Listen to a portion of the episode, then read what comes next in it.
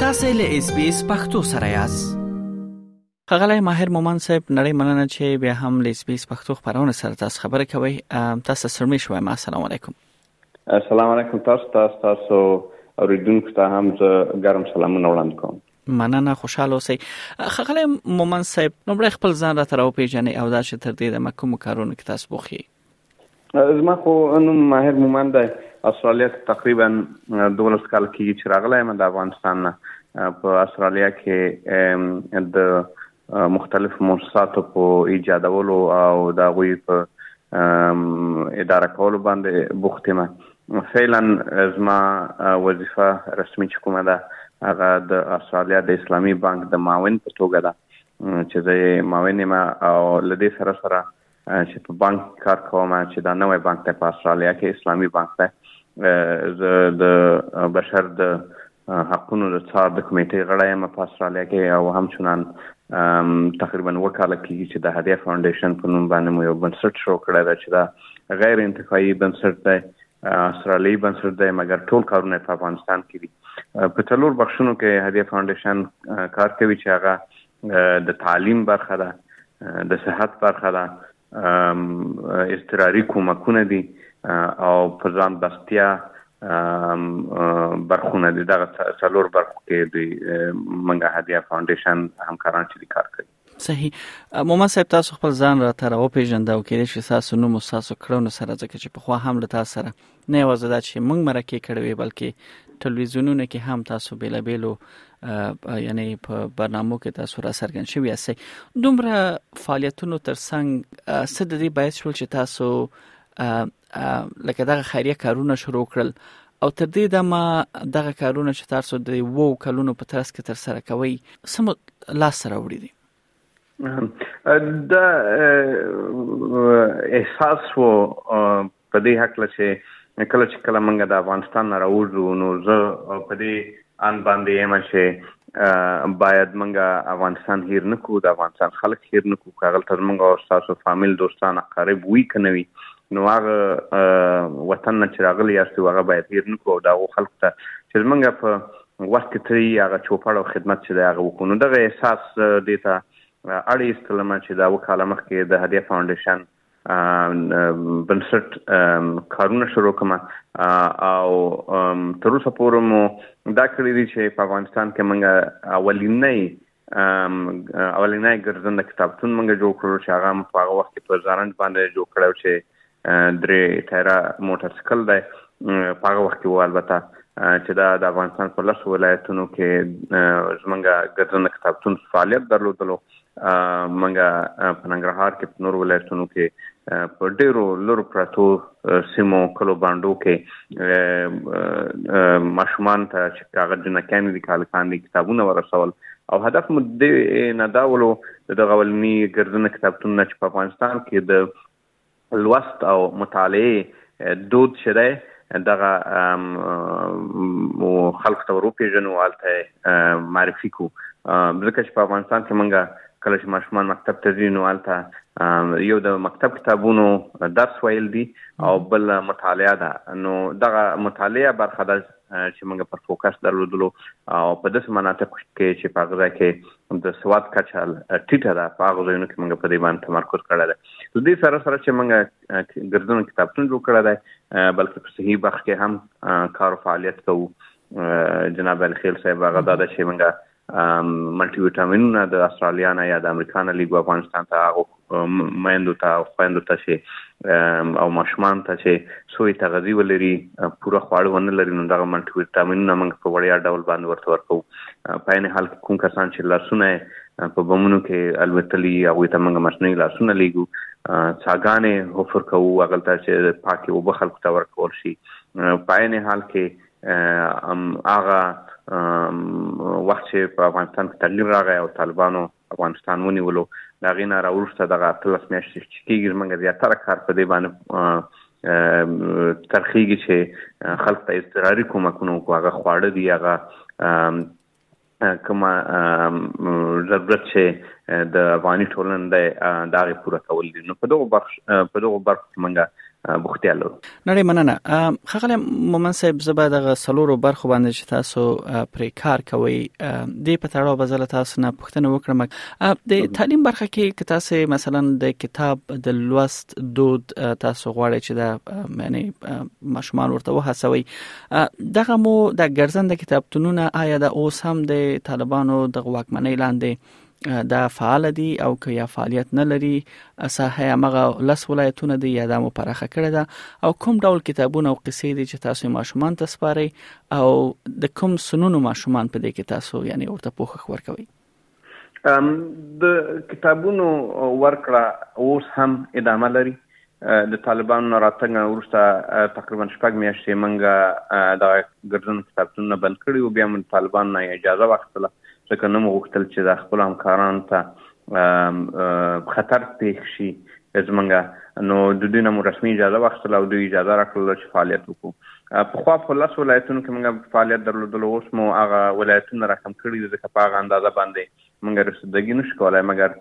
په شرقي ولایتونو کې همدا اوس هم دا کار ادامه لري. ښه خبره په دې کې علي خیل صاحب دا ده چې اوس مونږ ډېرو لرو کلو بانډو ته چې پخوا نشو تللی اوس رسیږو په دې کې موږ تر اوسه پورې یو لک او اتیا زره ماشومانو ته کتابونه ورکړي دي تیر کال د دغو یو لک او اتیا زره له جملې نه فقط تیر مالي کال د استرالیا په حساب باندې اته ویشت زره ماشومانو ته موږ کتابونه ورکړي دي په دې کې څلور پنځوس سلنه نجونې دي او د دوی عمرونه چې دي د دغو ماشومانو په نجونو نکاح کاندي دا د تقریبا اوه اته کالونو نه شروع دا عین تر پنځلسو شپاړسو کالونو پورې بیا په نارینهوو کې د هغې نام اوچت دي کوم کتابونه چې موږ دوی ته ورکوو په دې کې ډېر مختلف مضامین دي هغه چې د عصري مضامین په دې کې دي په هغه کې د قصو کتابونه دي چې د افغانستان په فرهنګ باندې افغانانو لیکلي دي په دې کې دینی کتابونه دي په دې کې ساينسي کتابونه دي په دې کې د د د کیمیا او بیولوژي په بخش کې نوې نوې مطالعات دا شیان دي نو هدف مو دا ده چې یو ماشوم یو افغان ماشوم که هغه نجلۍ که جلۍ وي او که هلک وي چې هغوی دې ته وهڅوو چې دغه لوست چې دی ضرور نه ده چې فقط د مکتب د کتابونو لوست وي دوی که د مطالعې د فرهنګ سره مونږ اشنا کړو نو بیا دوی کولای شي چې په آینده کې هم دغه خپلو مطالعاتو ساحه چې د فراخه کړي او د دغو مطالعاتو د فراخ کولو سره یې هغه دید چې دی د ژوند په اړه باندې هغه هم فراخه شي. په رښتیا هم چې ډیر زیات مهم او هغه اړخونو ته تاسو اشاره وکړه او په داسې یو وخت کې یعنی تاسو دا کړنه به ډیر ځای ونیسي بیا هم لا ډیر بریالیتوب تاسو په دغه برخه کې په ځنګړي توګه غواړم مومن صاحب زبا په لنډه تاسو نه د روغتیا برخه باندې هم یو څه که تاسو رڼا واچوي پښتنه به زده وکړم چې یو خو تاسو د ویټامینونو ذکر وکړ چې هغه هغه مایندو یا خويندو ته ماشومان ته تاسو ویشي د غي ترڅنګ د پاکو بو ولې یو بل څه چې هم تاسو وې پانه لارې هغه ته زما پام شو هغه تاسو هغه کسان چې هغه خپل هغه دید له لاس ور کړی وي د سرګو هغه هم تاسو ورته عملیات کوي او هغه ته هغه ور یعنی بیرته هغه دید ورته نورماله کوي په دغه صحیح برخه باندې هم ک لنډه رڼا واچوي چې څومره کسان مو تر دې دمه تاسو پوښښ ورکړی دی هغه مو پوښلې دي او آیا دا کار اوس هم ماسه نورمال دوام لري او یا درېدلی او موږ خو شروع خغله لکیل سب د دین او کړل چې خلکو ته تعلیم برابر ځکه چې زما په ان باندې کله چې یوه ټولنه تعلیم یافته وي په هغې کې بیا چې دی پرمختګ اقتصادي او نور پرمختګونه هم چې دي ډېر اسانه کیږي د ملل متحد راپور دی چې یو څو کاله مخکې خپور کړلو چې په هغې کې دوی دغه تحقیق کړی او د تحقیق نتیجه یې دا وله چې دوی ویلي ول چې هغه مملکتونه هغه خلک چې لوستي دي نسبت هغو خلکو ته چې لوستي نه دي درې چنده دوی جنګ ته چې دی کم په اصطلاح زړه ښه کوي نو په دې معنی چې هغه خلک چې هغه مملکتونه هغه قومونه چې په دوی کې د تعلیم کچه چې دا ټیټه وي درې چنده د دوی چانسونه چې دوی جنگ په مملکت کې وشي او هغه ته نارامي راشي د دوی دا چانسونه ډیر زیات نو دا که دغه عمومي دلیل زمونږ دا ول چې موږ په افغانستان کې د تعلیم